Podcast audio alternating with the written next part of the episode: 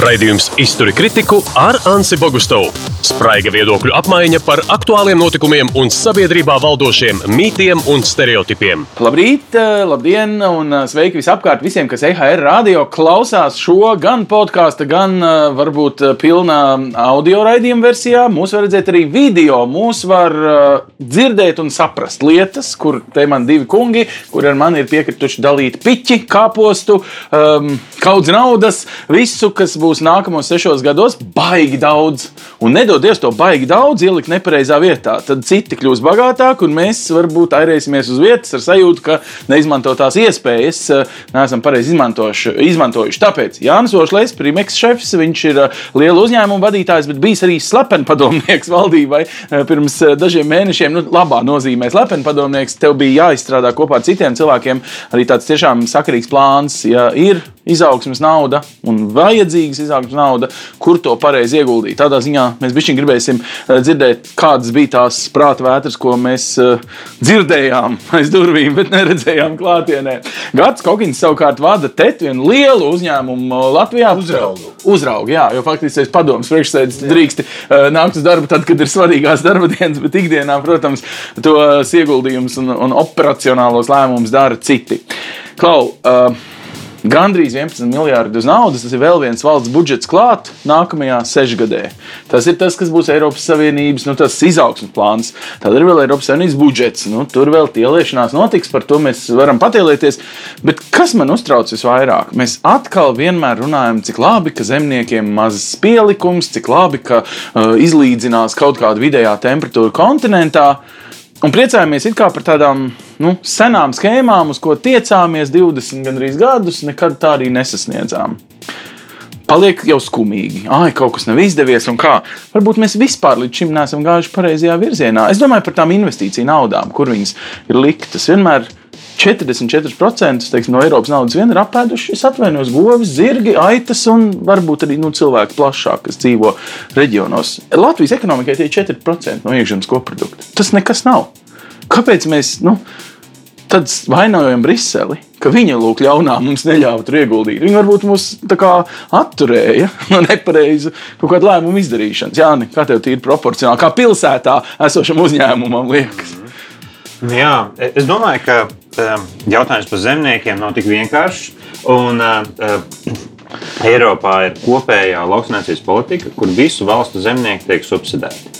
Ir skaidrs, ka Eiropas zemnieki varbūt nebūtu konkurētspējīgi, ja viņiem nepiemaksātu uh, naudu par uh, produkcijas audzēšanu. Nevienā no Eiropas valstīm. Mēs droši vien pirktu visu pārtiku uh, no Āfrikas. Bet uh, uz Āfrikas pārtikas piegādēm mēs nevaram paļauties. Tādēļ, ka mēs redzam, piemēram, šobrīd Covid apstākļos, kad uh, jebkurā brīdī var pārtiks piegādes ķēdes pārtraukt. Un tad liekas, ka tomēr ir prātīgi pašiem audzēt pārtiku, jo tad mēs zinām, ka mēs būsim pēduši. Varbūt bez datoriem, bez drēbēm mēs varam iztikt kādu brīdi jaunām, bet bez pārtikas mēs nevaram iztikt gandrīz nevienu dienu. Tādēļ Eiropas mērķis bija uzbūvēt pārtikas audzēšanas sistēmu, tā ka uh, mēs nodrošinām sevi ar pārtiku, lai mēs nebūtu nevienā brīdī nepārāk. Tad tu saki, ka šī paēšanas sajūta kopš otrā pasaules kara ir patiesībā daļa no mūsu izaugsmas nu, nepieciešamības. Un principā par to ir jāmaksā, jo tas ir nu, cilvēkam dzīvībai svarīgs pasākums. Jā, un, un jā, līdzīgi kā mums jāmaksā par armiju vai par mm. policiju, kas mums it kā varbūt nav vajadzīgs, bet mm. tajā pašā laikā ir vajadzīgs. Mm. Tas ir no vienas puses. No otras puses, jautājums jau ir, ko izdara ar to naudu pēc tam.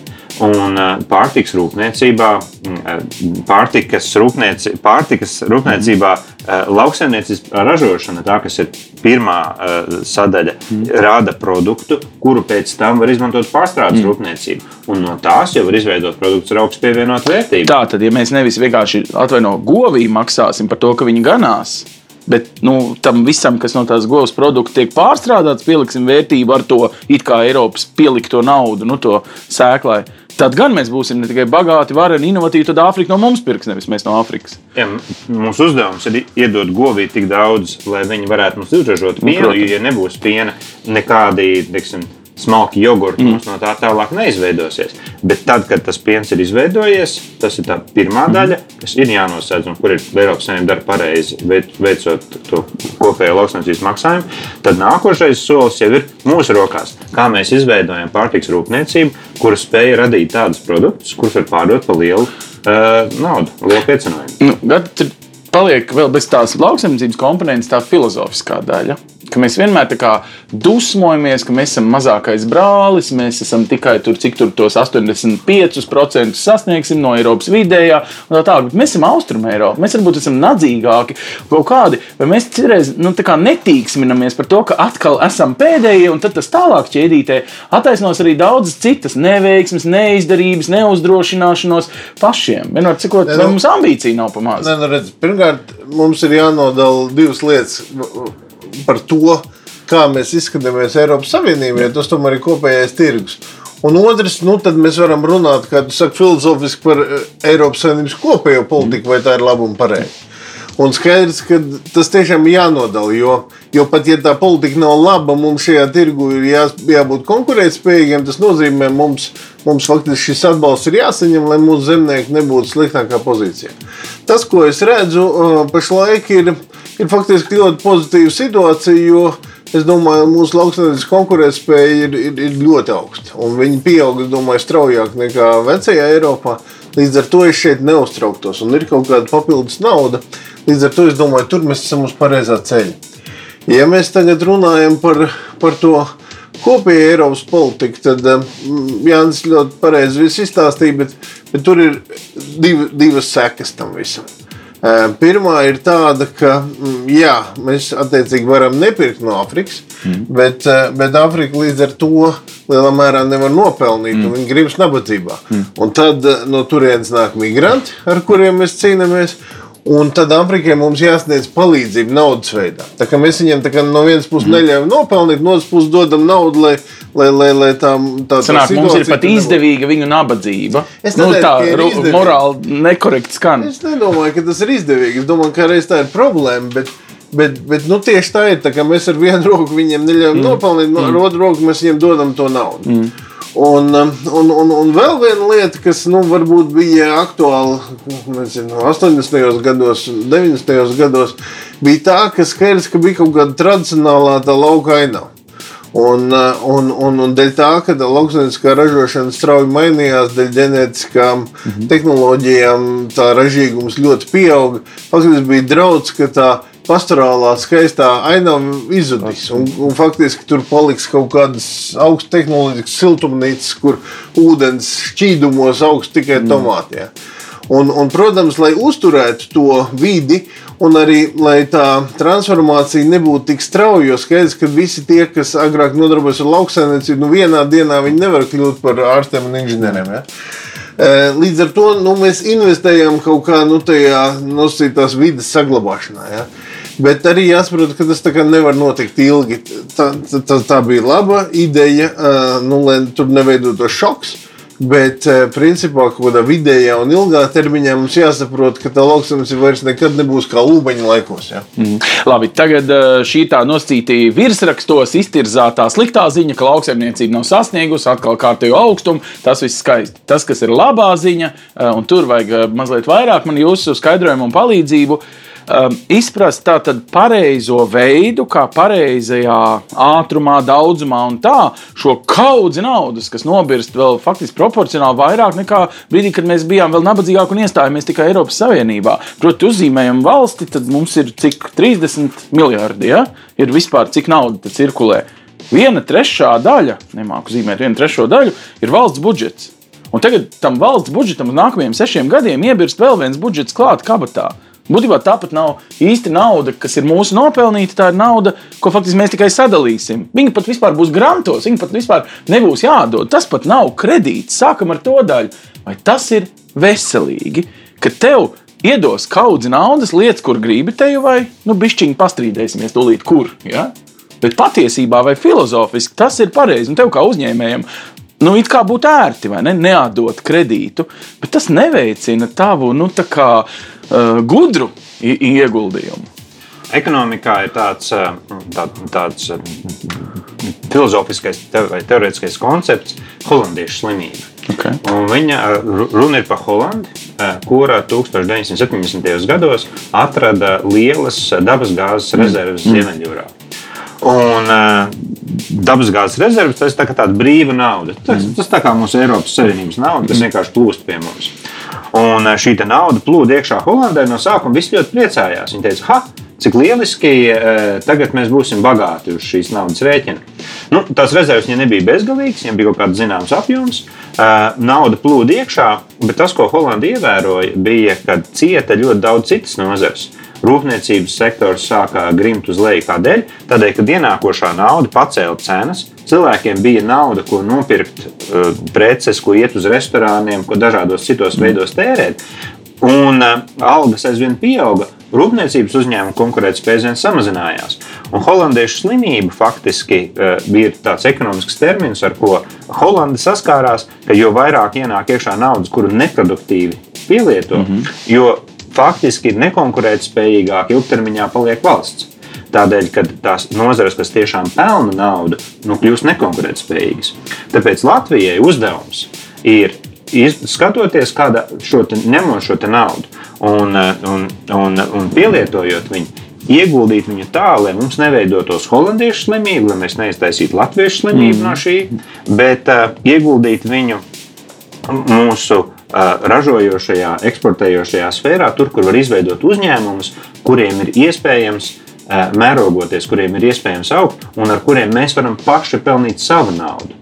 Mums uzdevums paņemt šo naudu un izveidot nozares, kas pašas pelna. Un tā laikam ir tā mācība holandiešiem, ko viņi tomēr ir guvuši. Tieši Holandas premjerministrs Briselē pēdējās nedēļas bija visnignākais pretinieks šai domai par grantiem. Nu, tā tīri, akā es tev nezinu, kāpēc šodien nāk visi filozofiskie jautājumi. Tev ir labi šī doma, granti ņemiet ieguldiet, eh, rīkojieties, nebūs jādod. Tas galvenais, ka veicinās ekonomiku, patēriņu, nu visu, ko eh, tas labu dod. Tas ir veselīgi vispār. Nu, man atkal iznāk atkārtoties, jo, jo pilnībā piekrītu tam, ko saka Jānis. Arī jāsaprot, ka mēs esam kopējā tirgu. Labi. Un, ja kāda uh, zona kopējā tirgu ir, ir, ir ekonomiski vājāka, tad uh, apstākļos, kad ir brīva kapitāla kustība, brīva cilvēku kustība, ir vienkārši bažas, ka nu, vienkārši tas reģions tiek izslaucīts. Nu, Pagaidiet, bet, tagad, Jā, pa, pa, bet viena... tieši, tāpēc, tieši tāpēc eh, faktiski ir nepieciešama tā kohēzija, kurai tiek at,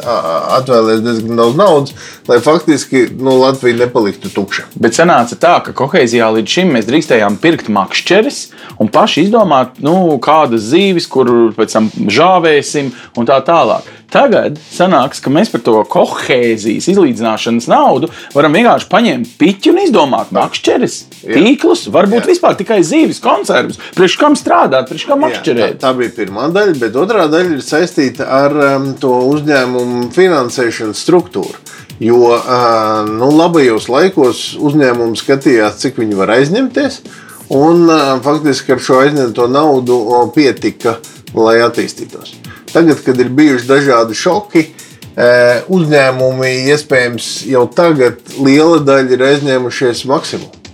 Un vēl tālāk aizdot uzņēmumiem ir vienkārši neproduktīvi. Vai nu viņiem kļūs maksātnespējīgi, vai viņi kļūs ļoti ievainojami tieši dēļ šī eh, lielā aizdevuma apjoma.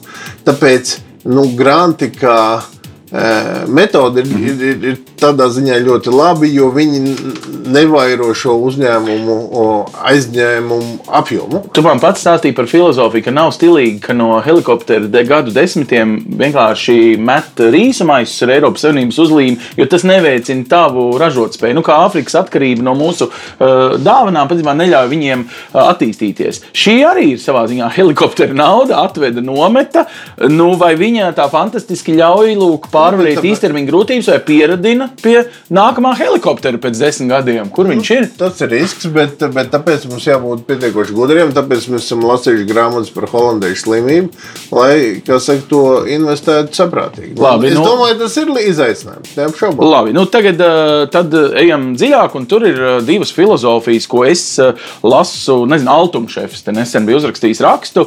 Nu, tātad, ka valdība faktiski krīzes karstumā pieņēma lēmumu pirmkārt glābjam. Un tagad interesanti, pirms pieciem gadiem, ja tu neesi inovētspējīgs, tu vispār neesi augošs, plaukstošs, jauns, tev vispār nevajag palīdzēt. Vai agrāk, nu, ja tā var teikt, mēs devām sēklu par Eiropas naudu attīstībai, meklējām inovatīvas idejas. Tagad viss ir otrādi. Tagad valsts ar Altumu vai ar citiem investīciju fondiem, ieskaitot no Eiropas nākošajiem, glābs no esošus ražojošus uzņēmumus, vai drīzāk noturēs viņu konkurētspēju, nopirks jaunas iekārtas un tā tālāk. Kurš bija būtu pareizāks ceļš? Nu, vienkārši abi, jeb atkal, nu, senā, man no malas izklausās, pirms pieciem gadiem bija tur jāiet, tagad man jāiet tur. Sāk man visu laiku tā kā ar abām kājām divos grāvjos vai kā. Nomieriniet tā mani. situācija mainās. Redzi, es domāju, ka uh, uzturēt krīzes laikā uh, cietušus uzņēmumus kaut kādā uh, līmenī ir svarīgi, lai nebūtu ekonomiskā šoka. Jo, protams, ja tā ekonomika sabruktu, kad tas notika tur 8. gadā vai, vai, vai iepriekš, tad, uh, tad, tad ciestu katrs no mums un, un, un vispārējā ekonomika. Līdz ar to mm, nu, faktiski to šoku pārvarēt šiem uzņēmumiem, lai cik zema būtu tehnoloģija, ir jāvar. Jautājums ir, protams, tālāk, nu, cik mēs daudz palīdzam vieniem vai otriem uzņēmumiem. Vai mēs par- palīdzam eksportējušiem uzņēmumiem, vai mēs pal palīdzam izklaides industrijai, vai mēs palīdzam augstajām tehnoloģijām, vai mēs palīdzam uh, nekustamā īpašuma uh, darbiniekiem. Ja? Tas ir pietiekoši sarežģīts jautājums, bet, bet skaidrs, ka tajā martā, aprīlī, maijā, kad bija tas Covid superšoks, Tur, principā, vajadzēja palīdzēt visiem, ja mēs gribam izvairīties no tādas ekonomikas kolapsa. Kas, man liekas, arī mums ir izdevies. Super, tik tālu paliekam. Tagad, lai nebūtu kolaps, bet būtu super izaugsme, tur eh, jūs eh, nu, daudz dažādi, es saprotu, gan lieli, gan mazi uzņēmēji bijāt sasaukt ekonomikas ministrijā un spriedāt. Vēl pirms jūs zinājāt, cik liels būs tas lācis no Briseles, ko nomedīs. Jūs faktiski jau sadalījāt grafiku, kā sadalīt lāču ādu. Varbūt izstāst mazliet to filozofiju. Kā tad Latvija izlēma un cik to ietekmē, nezinu, ražojošās un eksportspējīgās Vācijas līdzinējie vēsturiskie vai nākotnes lēmumi. Cik daudz mēs zinām, ko darīs mūsu konkurenti šajā kontinentā? Mm. Es domāju, ka šajā krīzē vispār nevar zināt, kas notiks, mm. nes ko darīs konkurenti, nes kā attīstīsies krīze. Viņa ir ļoti neparedzama. Tāpēc viens no tādiem pirmajiem lēmumiem, kas tika pieņemts šajā uh, stratēģijā, bija, ka mēs nezinām, kāda būs nākotne. Mēs izvirzām pieņēmumus par to, kas mainīsies, un balstoties uz šiem pieņēmumiem, izvirzām darbības, kas ir jādara tagad, bet visu laiku skatīsimies un pielāgosim. Kas, kā mainīsies, kāda būs Vācijas reakcija, kā attīstīsies vīruss, vai būs otrais, trešais, piektais vilnis, vai nebūs. Varbūt būs vakcīna un viss no, norims vai ne. Tā kā visas šīs lietas ir pilnībā nezināmas. Un, un tāpēc tāda, tāda pieeja šai stratēģijai ir izdomāt, saprast, kas, kas ir mainījies pasaulē un kā mēs tam pielāgosimies, bet atkārtot to visu laiku. Un domājot par to, ko atbalstīt, pirmkārt, tika izlemts, ka atbalstīt vajag varbūt nevis mazos vai lielos, bet uh, drīzāk saprast, ka ir pilna ekosistēma ar maziem un lieliem uzņēmumiem, kas strādā kopā. Un uh, varbūt tas dalījums mums ir jāatbalsta inovatīvie, vai mums ir jāatbalsta jau esošie ražošie, ir nepareizs. Mums ir jāatbalsta gan, gan. Un, bet, bet mums ir jādomā par to, ko atbalstīt, varbūt balstoties uz citiem kritērijiem, nevis liels vai maziņš, bet balstoties uz kritērijiem, vai šis uzņēmums ir potenciāli mērogojams, vai viņš var izveidoties ļoti liels mm -hmm. un, un augt no mikro uz mazu, no maza uz vidēju, no vidēju uz lielu. Un, un, un tādus uzņēmumus, un otrām kārtām, nu, kā, un, un tad, un skatoties, kuri tad, kuri tad var būt tādi uzņēmumi, kuri var augt, tika saprasts, ka tādi uzņēmumi var būt tie, kuri strādā eksportam. Mm -hmm. Tādēļ, kad ja uzņēmums strādā eksportam, tad viņam ir iespējas izaugsmē. Viņš var uh, tur ārpus Latvijas tirgus ir neizmērojami liels uh, priekš Latvijas uzņēmumiem, un mēs vienmēr varam augt. Ja uzņēmums koncentrējas tikai uz Latvijas uh, patēriņu, tad patēriņš būs ne, neizbēgami ierobežots. Līdz ar to mums nav vērts arī. Uh, Man radās mazliet iespējas, ka tagad sanāks tā, ka lai arī normālā tirgus ekonomikā valdība nevarētu pieņemt tiešu lēmumu, ka tam būtu jābūt vismaz konkursa rezultātā kaut kam pierādāmam, ka tagad būs tāda lēmuma. No, Uh, nezinu, nu, paņemšu kā piemēru. Reizeknē tur desmit tūkstoši liels uzņēmums uh, pa visu Latviju, bet nu, Reizeknē baigā filiāli, svarīgi, nezinu, mežstrādē vai kam. Mēs viņu atbalstam tikai tāpēc, ka viņš dod daudz darba vietas. Vienkārši tāpēc, ka nedrīkst pieļaut lielu bezdarba rādītāju, tāpēc atbalstīsim šo uzņēmumu, jo viņam ir štatā daudz cilvēku. Viņš sasolīs valdībai, ka viņš tuvākajā gadā neatlaidīs cilvēkus, jo būs, teiksim, jaunu iekārtu nopirkuši. Šis kriterijs man tikai liekas, ka es to nejauši izlasu avīzēs, kaut kur rindiņām. Viņš ir tāds tā kā, nu, ļoti plūstošs. Nāk bet... politiski pietuvināt cilvēku, var attiecīgi sagrozīt premjeru un ministru galvas. Bet stratēģijas uzstādījums jau ir tieši jautāt šim uzņēmumam, vai nu, šī nauda tiks izlietota eksporta kapacitātes mm -hmm. veicināšanai. Okay. Un, nu, tu minēji sākumā, ka šis uzņēmums ir vērsts uz Latvijas patēriņu. Mm stratēģijas ietvaros pie viņa vērstos un dot, dotos un vērstos un teiktu, vai, eh, vai, vai ir eksportam plāns. Mm -hmm. Kāds šis eksporta plāns ir? Kā mēs varam, izmantojot to bāzi, kas ir šeit, šajā uzņēmumā, izveidot mērogojamu aizvien eh, straujāk augošu uzņēmumu, kas pārdod preces visā pasaulē. Kas ir nepieciešams priekš tā? Finansējums, infrastruktūra, cilvēku resursi. Mm -hmm. Un eh, iz, tik, nu, izvirzītas ir piecas pieci veidi, kā palīdzēt mm -hmm. cilvēkiem, kā palīdzēt uzņēmumiem. Tātad, eh, kāda vajadzētu būt infrastruktūra piebūvēt viņam mm -hmm. klātī, varbūt kādus cilvēku resursus viņam vajag. Varbūt ir vajadzīga kādas izmaiņas biznesa vidē kopumā. Varbūt uh, ir, uh, ir finanses nepietiekams, varbūt viņas ir vajadzīgas granta veidā, varbūt šīs finanses ir vajadzīgas aizdevuma veidā. Un šādā veidā, kā, nu, darbojoties, arī var eh, palīdzēt. Bet nomierina mani, ka tas nebūs politisks lēmums. Jo man nu, līdz šim ir bijusi tāda sajūta, ka nu, mums ir pirmkārt vairākas eh, teiksim, uzņēmēju organizācijas, ka uzņēmēji māca vajadzīgajā brīdī uzsist dūri uz galda, un valdībai ir pat citreiz bail arī. Nu, tādā ziņā, ka nezinu, arotbiedrībām nav tik spēcīgi kulaki, eh, ka nu, es, es, nesaku, es neturu aizdomās. Viss cieņa, paldies, mīļie uzņēmēji, tieši jūs faktiski iemaksājat budžetā. Bet es gribu godīgumu.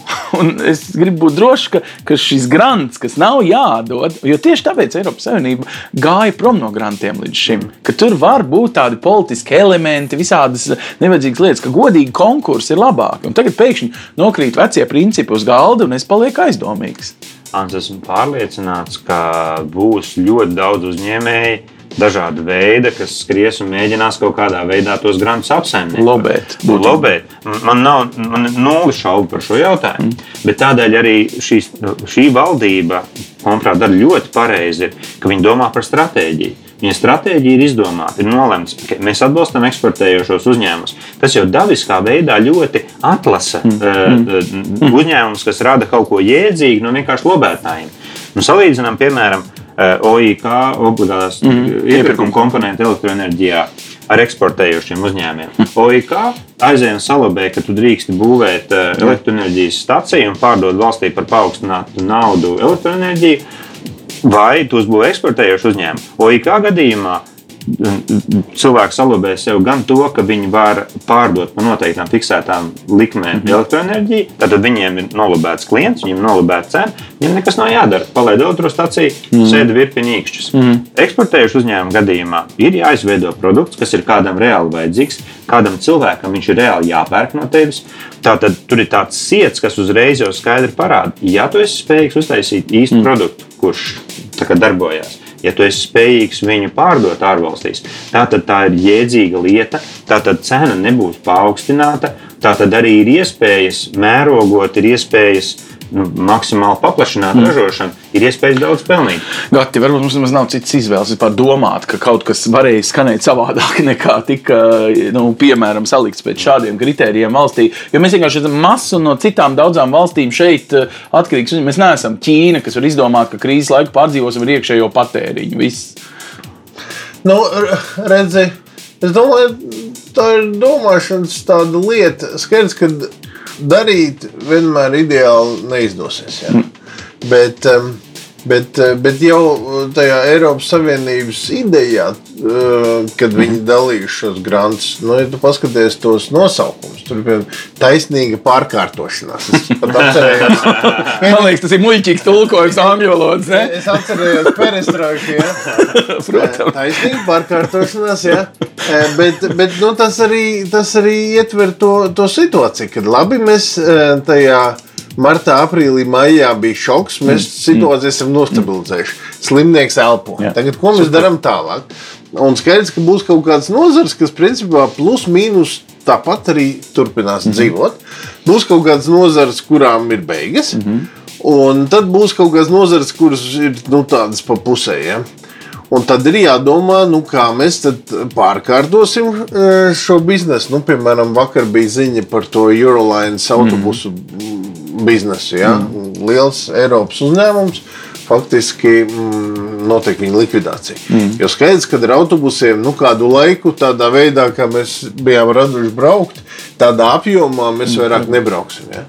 Nu, vārds taisnīgi ir, ir ārkārtīgi svarīgs. Nu, tieši tāpēc, lai neaizietu tur saviem draugiem vai saviem biznesa partneriem. Klau, kad uz galda ir liela nauda, tad ir ne tikai tev daudz draugu, bet parādās arī tādas uh, zemiskas, varbūt cilvēciskas tādas vājības. Kas tev liktos būt tas viss, ko mēs esam pārdzīvojuši un, un, un sev stāstījuši, cīnījušies pret uh, aploksņu algām, visādi veidi, kur tiešām ir nozars, kurās ir uzlabojumi. Ja? Tur celtniecībā cilvēki nāk ārā no pelēkās ekonomikas un, un tā. Kas būtu tavuprāt tie mirkļi, kur mums bišķi jāpadomā ir pašiem par sevi, varbūt kaut ko nepātru, varbūt kaut kur, nezinu, kaut vai vecus principus jāpaņem atpakaļ. Eh, Nu, mums ir pierasts tā kā skaļi nosaukt, ka viņš ir zāglis, un tad beigās tiesā nemaz nepierādās, ka viņš, viņš ir zāglis.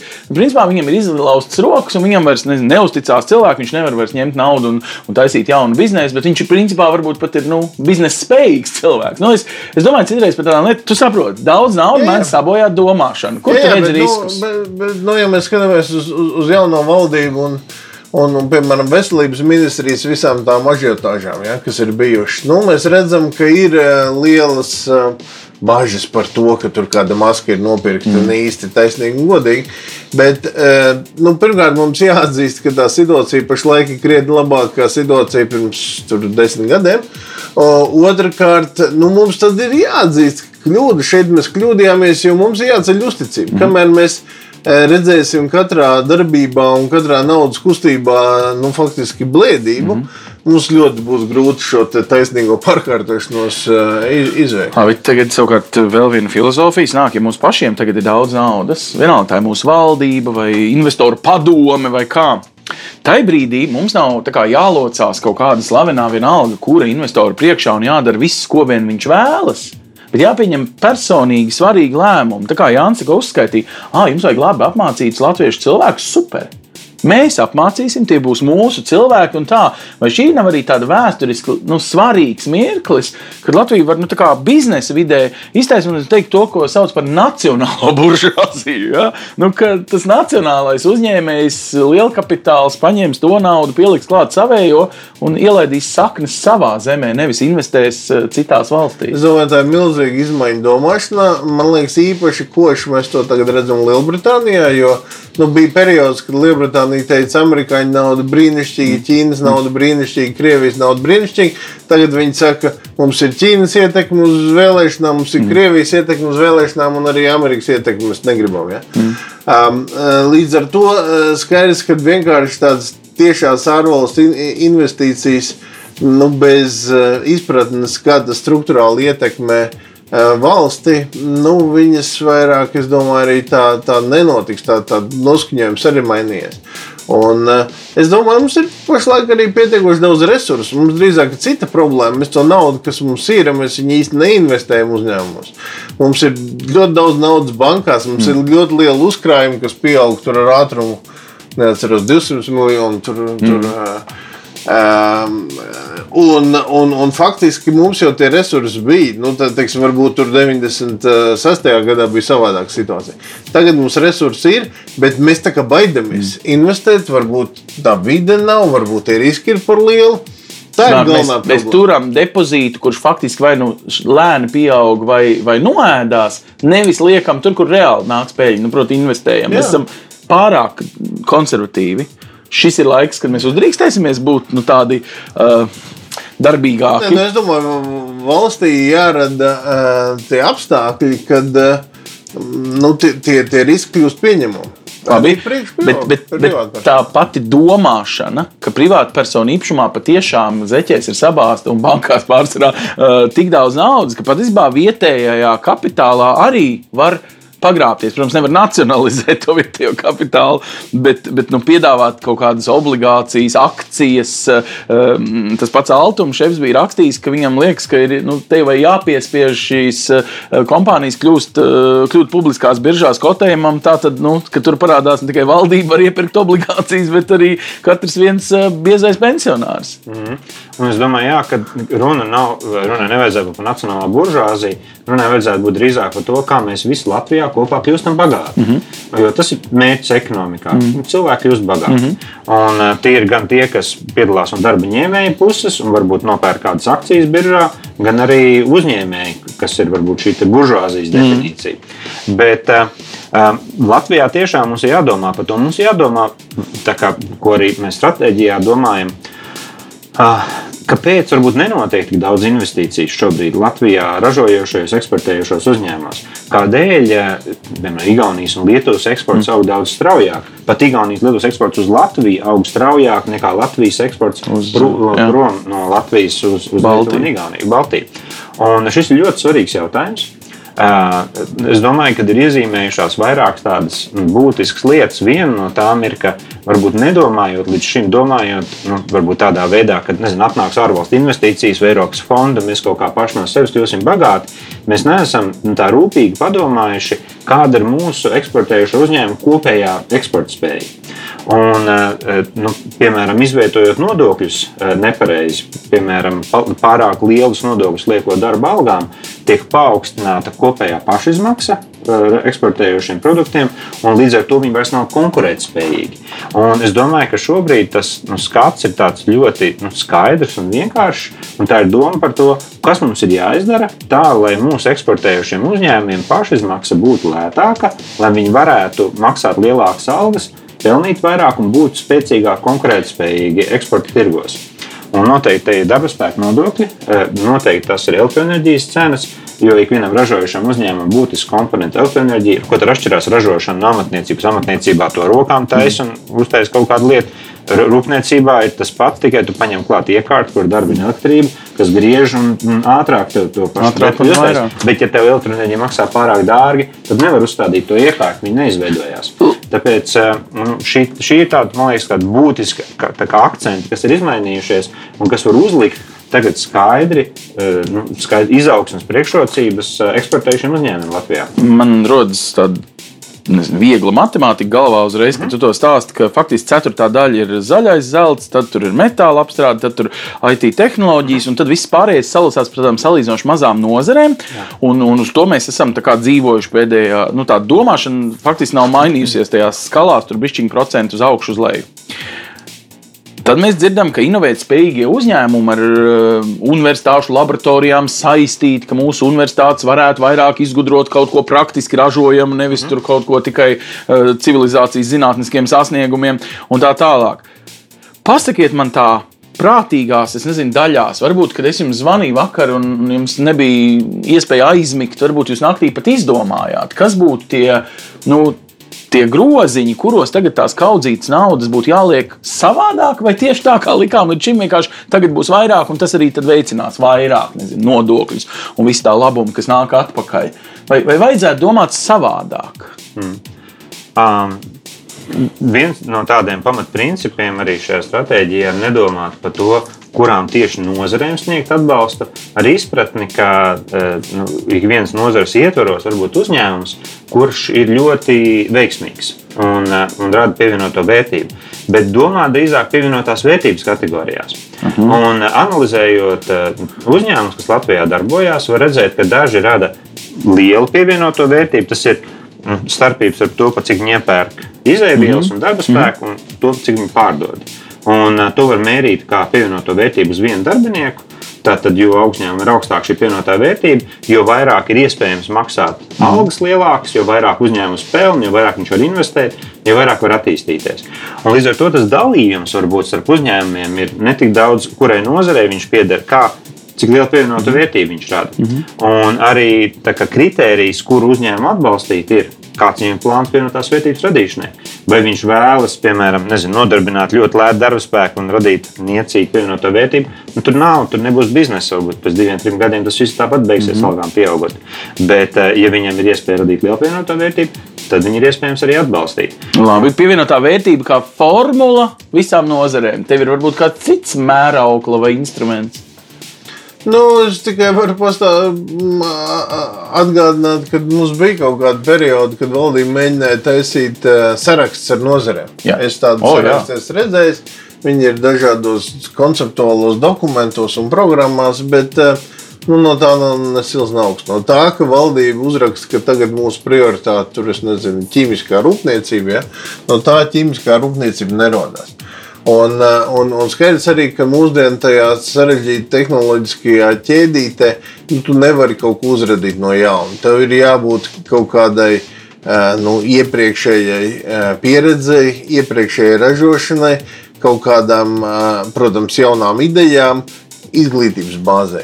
Tāpēc nu, visdrīzāk tā, tā lieliskā ekonomika radīsies ap tiem aizmetņiem, kur ir. Ja? Un tāpēc nu, skaidrs, ka valdības uzdevums ir identificēt un, un, un visādā veidā palīdzēt tieši šiem te pievienotās vērtības radītājiem. Nu, Cilvēki nu, citreiz par savu nu, nosīt jaunību, domājot, saka, redziet, Latvijā bija tik ražojoši uzņēmumi, tik lieli, visi sajūznīgi, kā Krievu laikos teica. Viņi, protams, liekas kā tāda sagrautā vērtība, nu, vefs kā simbols. Kā jums liekas, ar šo naudu tā būtu vērtlaicīga domāšana, mēģināt restartēt kaut kādu nu, to domu, ka jo tev ir vairāk strādnieku, kas strādā ražojošos, eksportspējīgos, protams, modernos uzņēmumos, jo tu tad būsi, nu, citi saka, klau, tas pats notika Vācijā, viņi izvilka sevi no kara drupām vai ne? Eh, ļoti ātri kļuva par pārtikušu valsti ar visu maršalu plānu. Ja? Bet kaut kādā mērā arī šis ir maršalu plāns pēc Covid eh, situācijai. Nu, tā tad mums ir nauda, mēs viņus ar citu dalīsim paši. Tā tad nebūs ne pie kā vainīga amerikāņi vai onkoļi Briselē. Mums jāizdomā, vai ņemt vēsturiskas līdzības, vai darīt kaut ko nu, daudz modernāk, daudz varbūt neparedzējamāk. Uz ko jūs uzdrošinātos? Citēt vēstures grāmatas vai inovēt uh, spējīgos uh, prometējus, futuristus? Mm, es domāju, ka noteikti var pateikt to, ka eh, nu, ražošanai ir jābūt lielākai nekā viņa šobrīd ir Latvijā. Nacionālās attīstības plāns, piemēram, paredz, ka jābūt ap 20% mežģīnas kopīgu ražošanai, mm -hmm. kas būtu varbūt līdzīgi arī tur, kur ir Vācija. Ja paskatās to pašu, nu, tevis pieminēto Holandi vai Vāciju vai citām valstīm, kas ir bagātas Eiropā, var ievērot, ka viņām visām ir spēcīgi eh, ražošanas Jā. Eh, sektori. Es, es domāju, ka Latvijai mūsu attīstības fāzē, tur, kur mēs esam, nav cita ceļa, kā attīstīt ražošanas, kā attīstīt eksportējošo ražošanas un eksportējošo pakalpojumu sektors. Mēs redzam arī, ka ir nozares, kas ir futūristiskākas, varbūt, un kas strauji attīstās, un, piemēram, IT nozare. Jā. Un IT nozarē ir daudzi gan lieli, uh, startautiskie, gan mazie, mazāki gan arī lielāki Latvijas spēlētāji, kas ļoti sekmīgi attīstās. Es noteikti redzu, ka tur mēs varam ieguldīt naudu.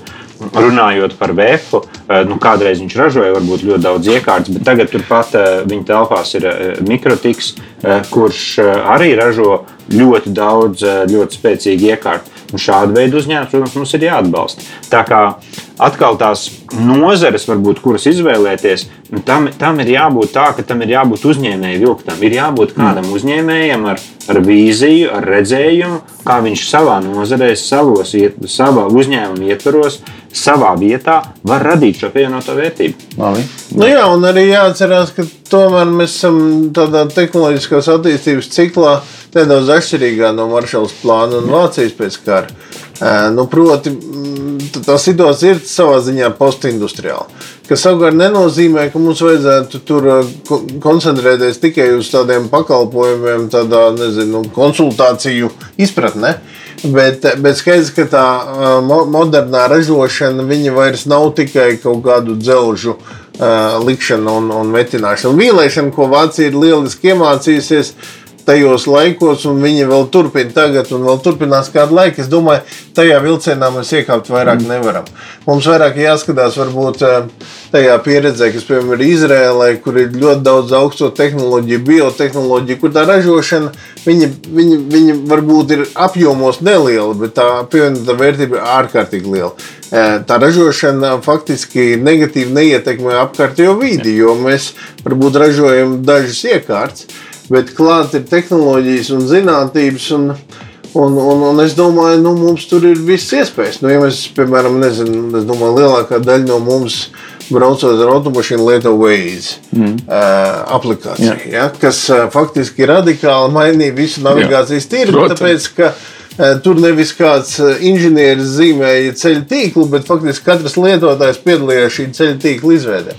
Un to izveidoja, nu, ja es pareizi atceros, kaut kādi 20 Izraels uh, datoriķi. Tur pat un, laikam vēl studenti daži. Nevis pat. Un, un, un viņiem izdevās šo, šo kompāniju arī pārdot Google par kaut mm. kādiem pāris miljardiem. Ja? Un, un, un, un, un, un, un Tā ir ļoti liela pievienotā. Jā, nu, tie pāris miljardi tagad būs mūsu miljardi. Nu, tādā ziņā tie ir faktiski 10, 11 miljardi vēl bez Eiropas Savienības. Jā, bet tas, kas Jānis un... uh, saka, ka ir ļoti svarīgi, ka tu vari to kādam pārdot. Ja? Jā. Jo tā nauda kā tāda. Nu, labi, viņa ieplūdīs ekonomikā, un no tādas helikoptera naudas viedokļa viņa darīs kaut kādu mm -hmm. pozitīvu efektu. Bet, bet viņi neveicinās to, par ko mēs šodien runājam. Jā, un tas ir, ko es gribu no jums tad, uh, noslēgumā saprast. Tos riskus, kad nāk daudz naudas, ceļas cena veikalos, cilvēki vienkārši veikalnieki grib nopelnīt vairāk, jo viņi zina, ka cilvēkiem kabatā ir nauda, grīķu paciņa vai citas lietas, ko mēs gribēsim tagad pirkt. Eh, tas eh, padarīs mums par dārgāku valsti un savā ziņā konkurētspēja tajā brīdī slīd uz leju. Par daudz ātri, tik daudz lielas naudas. Es zinu, ka Latvijas valsts armija pat nesen uztraucās, ka 2% iekšzemes koprodukta pieaugums priekš viņiem ir pārāk strauji, lai varētu nu, sakārtot visas iepirkuma ķēdes. It kā forši, ka ir nauda, bet lūdzu lēnāk. Ja? Vai šeit šis ātrums nav mazliet eh, biedējošs? Mums jau tā uh, valdībā ir plāns būvniecībā faktiski sildīt ekonomiku. Tā tad mēs zinām nozari, kurā viss ies uz augšu, un mēs zinām, kā tai nozarē uz augšu ejot iepriekšējās pirmskrīzes laikā arī cenas aizgāja. Ja mums būtu slēgts robežas, un ja mums būtu tiešām tāda līdzīga pēc būtības izmēra kā Holanda, tad tas risks būtu ārkārtīgi liels. Bet pašlaik e, Eirozonas ekonomikā, protams, ka, nu, tas viss tur amortizējās, tā kaut kā izlīdzinās. Un, e, un skaidrs, ka Eiropas centrālā banka arī raugās, lai šī inflācija faktiski nepieaugtu. Nu, mēs varam uztraukties, ka varbūt Latvija, Latvijas inflācija būs salīdzinoši augstāka kā, kā, kā, kā citās Eirozonas valstīs. Tomēr šī liela ekonomika mm, rada tādu zināmu buferi, un mm. tas risks, par ko tur runā, nav tik liels. Tam ir sakars ar to, ka mēs esam Eirozonā vai neesam Jā, Eirozonā. Aha. Un, attiecīgi, mūsu cilvēki Frankfurtē neļaus šim notikt. Ja? Nē, nu tas vienkārši izlīdzināsies. Labi. Mērā, ja. nu, kā cilvēks varētu domāt, cik labi izlīdzināsimies ar vāciešu algām. Nu, tādā ziņā saredzēja to kā pozitīvu efektu, bet pārāk liels ātrums varbūt ir kaitīgs. Ne? Tāpēc arī ļoti svarīgi ir mūsu mērķis ir liels algas. Tas ir Latvijas mērķis. Mm -hmm. Mums jābūt lielām algām, lielai peļņai uzņēmumiem Visi bagāti. Jā, piekrīt visi. Lai varētu maksāt lielas algas, ir jādara liela pievienotā vērtība. Ja katrs strādājošais strādājot, rada lielu pievienoto vērtību savā uzņēmumā, uzņēmums rada produkciju, kur viņš var dārgi pārdot, tad viņš rada lielu pievienoto vērtību, tad var maksāt visiem lielas algas. Tāpēc mūsu uzdevums ir investēt šo naudu tā, lai veidotos uzņēmumi, kuri e, ir spējīgi radīt lielu pievienoto vērtību. Un šīs stratēģijas būtība ir investēt eksportējošos uzņēmumos. Tāpēc, ka tur Tādēļ, ka tirgus ir liels, var izveidot lielu netienu katrai partijai, mm. līdz ar to samazināt pašizmaksu, palielināt ienākumus, pārdodot bagātākās valstīs par lielākām cenām, un līdz ar to arī veidot šo pievienoto vērtību. No tā arī pēc tam maksāt algas. Mm -hmm. Attiecīgi, tev nebiedē tas, ka pēkšņi, jo mēs bijām pieraduši pie Eiropas Savienības budžeta, kas ir sareiķināts par iekšzemes koproduktu reālo, tur ir kaut kāds indeks, tur ir kaut kāda doma, kāpēc tā summa ir bijusi tik liela pēdējos vai maza 16 gadus. Tagad, kad tā, šī summa ir kā ar iemeslu, bet dubultojas, tas nav par daudz. Tas noteikti nav par daudz. Un arī Eiro, Eiropas Savienībā un īpaši Eirozonā ļoti svarīgi, kad ir izveidota nauda, kuru var iedot valstīm, kurām neiet tik labi. Mm -hmm. Tāpēc, kad uh, otra metode, kā var veicināt valsts, kurām neiet tik labi, ir devalvēt valūtas, padarīt valūtas lētākas, preces kļūst konkurētspējīgākas, uzņēmumi attīstās un pārdot mm -hmm. vairāk. Eirozonā tas nav iespējams, tāpēc mums paliek tikai otrs veids atbalstīt no budžeta līdzekļiem. Un eh, šis bija ārkārtīgi nepieciešams solis vispār arī visai eiro kā valūtai, viņas nostiprināšanai. Es nedomāju, ka viņš ir pietiekams. Es domāju, ka vajadzīgs lielāks centralizētais budžets un lielāka kopēja mm. Eiropas pārdala. Bet, eh, bet nu, labs solis mums pareizā virzienā, lai mēs arī nostiprinātu eirozonu kopumā. Labi, es jūs gribu pakaitināt par vienu lietu. Piemēram, zemnieki ir nenormāli laimīgi, ka tieši ar Poliju tie tiešmaksājumi ir daudz maz izlīdzinātāki. Tas nozīmē, ka poļu zemenēm un tomātiem nebūs tik viegli Latvijas tirgū, ja mums vēl tur PVN likme samazinās. Nu, tā būtu tāda zemnieka laime. Bet Polijā ir poļu zloti vēl aizvien. Viņi nav Eirozonā, un ja viņi ir piemēram šajā nozarē vieni no arī svarīgi spēlētāji Eiropā, ne tikai te Baltijā, tad viņi savukārt varēs spēlēties ar savas, un viņi to ir darījuši savas valsts vēsturē, spēlējušies ar savu valūtu, nu, samazinot pat gan arī mākslīgi ja, tās vērtību. Tad um, nu, mēs te priecājamies par esošo Eirozonas situāciju, bet mums liela spēlētāja krīzes situācijā, taču glābis, kas var, bija pirmais, ko cilvēki padomāja un aizslēdz robežas. Poļi var kaut kā līdzīgi protekcionisms, visi šie sliktie vārdiņi Briselē. Nevar notikt mūsu reģionā tāds lielās polijas uh, uznāciens. Nu, to arī eh, savā ziņā um, nu, mēs esam vainājuši. Jo tajā mirklī, kad uh, mūsu premjerministrs Kariņš iesaistījās Merkeles pusē mm -hmm.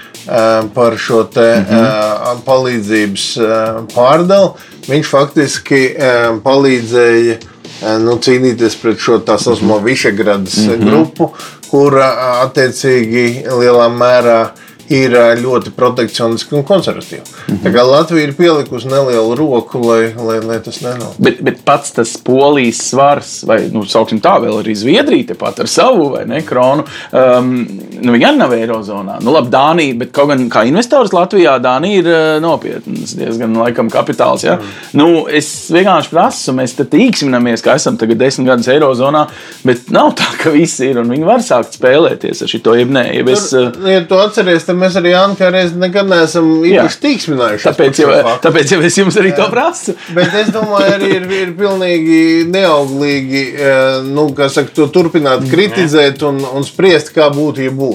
Labi. Tad, tad mēs esam Eirozonā. Mums ir uh, tie instrumenti, ko mēs varam izmantot, tā skaitā kohēzijas uh, politika, tā skaitā šie atvesļošanās fondi. Mums viņi jāizmanto maksimāli saprātīgi un liederīgi. Un es domāju, Polija ir gājusi citu ceļu, viņi savā ziņā ir ļoti veiksmīgi, bet viņai ir savas problēmas. Ja? Mm. Nu, mēs arī zinām, ka piemēram Baltkrievija ekonomiski ir bijusi pietiekoši veiksmīga Jā. ar savu valūtu mm. uh, atsevišķos uh, nu, labi, valūtu plus naftas piešķirts no Krievijas. Jā, bet, bet nu, mēs redzam, ka tomēr teiksim, pašlaik to nevar saukt par veiksmīgu pārvaldītu Jā, ekonomiku. Jā. Tas gan, uh, Jāni, nu, tīri šī baža par, par citu spēlētāju, citām rīcībām, varbūt pat ne tikai ar valūtas izmaiņām, varbūt arī ar citiem biznesa plāniem, kur to nav naudu likt, vai tevī nedara tas bažīgi, ka mūs var apspēlēt, ka mēs tā forši paši iedvesmu šeit sev uztaisījām tikko, mums ir plāns, mums ir nauda, nu, tikai atrocam rokas, bet citiem varbūt ir viltīgāks plāns. Kā vienmēr Igaunijas turam aizdomās, vai ne? Nu, jā, nu, ir tāds eh, amerikāņu filozofs, slavens uh, Maiks Taisons. Viņš teica, ka ikvienam ir plāns, viņš iziet ringā un dabū uh, ar, ar, cimdu pasēju. Un, uh, es domāju, ka tas ir arī jebkuras stratēģijas uh, pirmais noteikums. Visu laiku skatīties, ko dara citi, kādā veidā citi mēģinās mums iesist vai mm -hmm. kādā veidā vinnēt, un ko mēs varam izdarīt, lai izdarītu lietas mm -hmm. labāk. Tāpēc es domāju, ļoti svarīgi arī būt, būt izpratne, varbūt atšķirība šai stratēģijai no, no citiem valdības iepriekšējiem plāniem. Ir, ka viņi nav vienkārši pieņemti un rekur tagad ir un tagad nākamos piecus gadus mēs īstenosim, bet viņi ir uzrakstīti ar apziņu vai, vai pat tiek vēl ar vienu veidot ar apziņu, ka viņi nepārtraukti būs jāmaina. Tādēļ, ka uh, mēs nezinām, kādā veidā Polija vai citas valsts reaģēs. Un uh, Polijai, jā, varbūt viņiem priekšrocība ar savu zlotu, bet arī eiro ir kaut kādas priekšrocības. Tas ir tas, kur mēs spēlējam, tas ir tas, kādā veidā, tas ir tā vieta. Tad ņemot vērā to, kā mēs varam uzvarēt. Paldies! Kā mēs uzvarēsim, to mēs ar jums cerams vēl piedzīvosim. Pēc pieciem gadiem satiekamies šajā studijā un sarēķinām, kā teikt, bilancīt pēc tam labi. Jo šeit bija vairāk tādu filozofisku pārdomu, kā tam lācim tā būs jādala nomedījums. Es ceru, ka arī jums, cienījamie radio klausītāji, un šajā gadījumā jāsaka arī radio skatītāji, jo mūsu mājaslapā redzams arī video ieraksts šim, nu, varēsiet ne tikai izsekot šai domu gaitai, bet būt paši tādi apbruņotāki un klātesošāki, kad valdība lems jau tā operacionāli, kurai no nozarei pēc kādiem tiešām mazajiem kritērijiem, tālāk, eh, kam pienākas, kam nepienāks, kur ir un kur nav vērts. Eh, paldies jums, kungi, gan Gatim Kokinam, gan Jānim Ošlējam. Eh, man vismaz palika skaidrāk, pēc kādām vērtībām es kā žurnālists turpināšu sekot valdības rīcībai, un mums tā ir līdzatbildība kā nodokļu maksātājiem nenopūdelēt šo diezgan vēsturisko iespēju valsts attīstībai, vai ne tā? Labi, tiekamies atkal nākamajā reizē. Uz redzīt! Projektu finansē Mediju atbalsta fonds no Latvijas valsts budžeta līdzekļiem.